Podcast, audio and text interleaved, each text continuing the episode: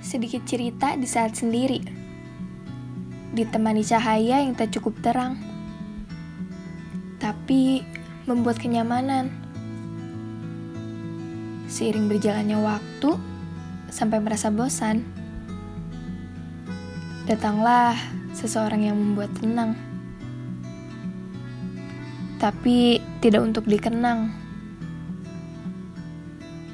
Harapan selalu diberikan olehnya, sampai aku merasa senang.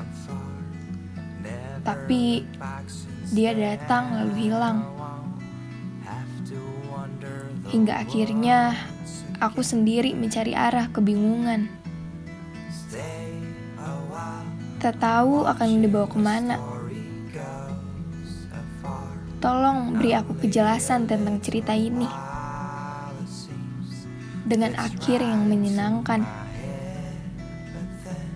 Jangan datang lalu pergi, jangan hilang lalu kembali, karena hanya sebuah kepastian yang aku ingini.